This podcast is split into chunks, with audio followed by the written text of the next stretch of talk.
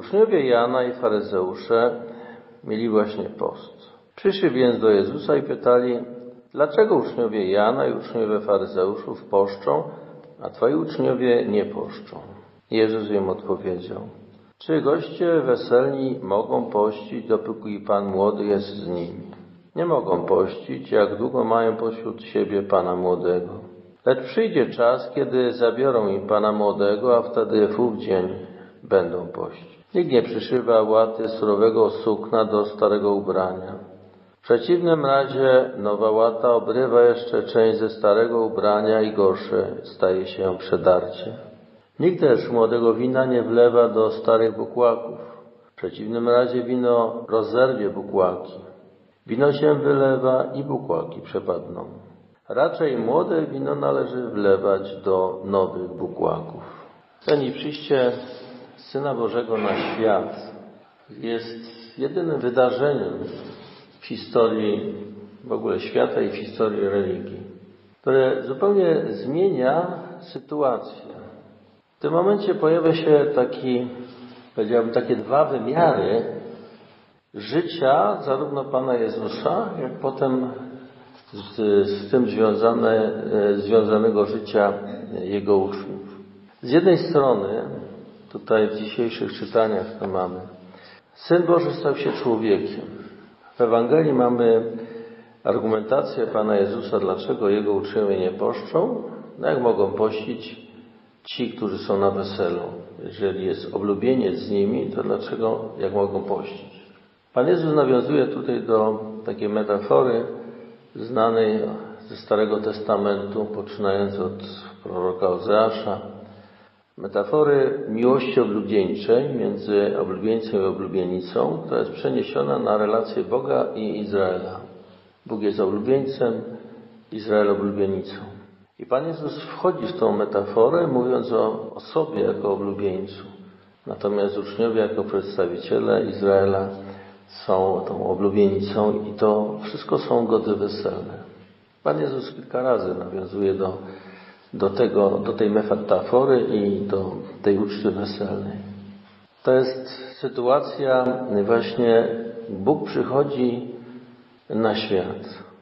Z drugiej strony, przez to, że stał się człowiekiem, to tak jak pisze tutaj yy, autor listu do Hebrajczyków, przez to, że stał się człowiekiem, po pierwsze mógł być w ogóle kapłanem. Przecież Bóg nie może być kapłanem składając ofiarę sobie samemu. To byłoby bezsensowne zupełnie. Ale jako człowiek składa ofiarę, staje się pośrednikiem między ludźmi i Bogiem. Może współczuć człowiekowi, bo też odczuwa to wszystko, co jest ludzkie. Poznaje to z autopsji, z własnego doświadczenia, z własnego życia. To jest zupełnie nowa sytuacja. Bóg stając się człowiekiem, po pierwsze staje zupełnie po stronie człowieka, solidaryzuje się z nim, ale po drugie wchodzi w życie ludzkie i poznaje je od, od strony ludzkiego przeżywania. Tak się stało z Jezusem. Stąd może być współczujący, może rzeczywiście stać się orędownikiem i, i pośrednikiem. To jest zupełna nowość w religii. Tego nie było nigdy przedtem i, i ta sytuacja już więcej nie powtórzy. I to wymaga zupełnej zmiany podejścia do religii, zupełnej zmiany przeżywania religii. Jeżeli Bóg stał się naszym bratem, jesteśmy jakby wprowadzeni do Jego rodziny, to w tym momencie, jeżeli by tak próbować jakąś robić analogię do, do tego, co jest na ziemi, to my już nie jesteśmy wobec Boga tak jak jacyś, ja wiem, słudzy, którzy przychodzą i dopraszają się łaskawie o, o jakieś tam dobra. Pan, który zasiada, który jest królem, tutaj rozstrzyga, decyduje, może tak dać, może inaczej, jak tam chce. Nie? A nasza, z naszej strony jest taka postawa petenta, który prosi o łaskawość.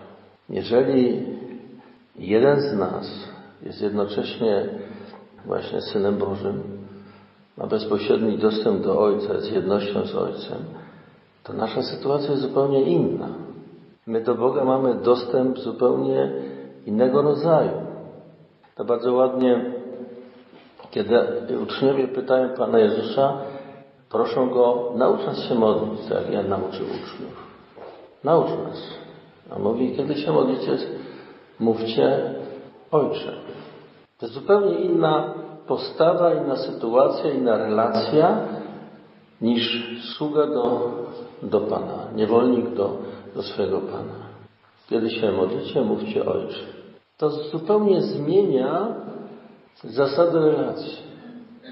I w tym momencie nasza troska nie polega na tym, żeby tą prośbę przedstawić tak elegancko, w taki sposób jakoś dyplomatycznie, żeby, żeby uzyskać od Boga to, o co nam chodzi. Ta właściwa troska powinna polegać zupełnie na czymś innym. To, że my jesteśmy, możemy się zwrócić do Boga słowem Ojcze, jest nam dane przez Chrystusa, który jest jednym z nas. I na tyle możemy się zwrócić do Niego, o ile jesteśmy w jedności z Nim. I cała troska polega na tym, byśmy byli jedności z Nim w tym momencie, abyśmy niejako w zjednoczeniu z Nim modlić się do Boga. A to zjednoczenie z Nim polega na upodobnieniu do Jego życia. Tam zresztą o tym mówi, że ten, kto mnie miłuje, wypełnia moje przykazania. Przy czym przykazania Jego sprowadzają się do przykazania miłości. To jest zupełnie nowy, y, nowy rodzaj kultu.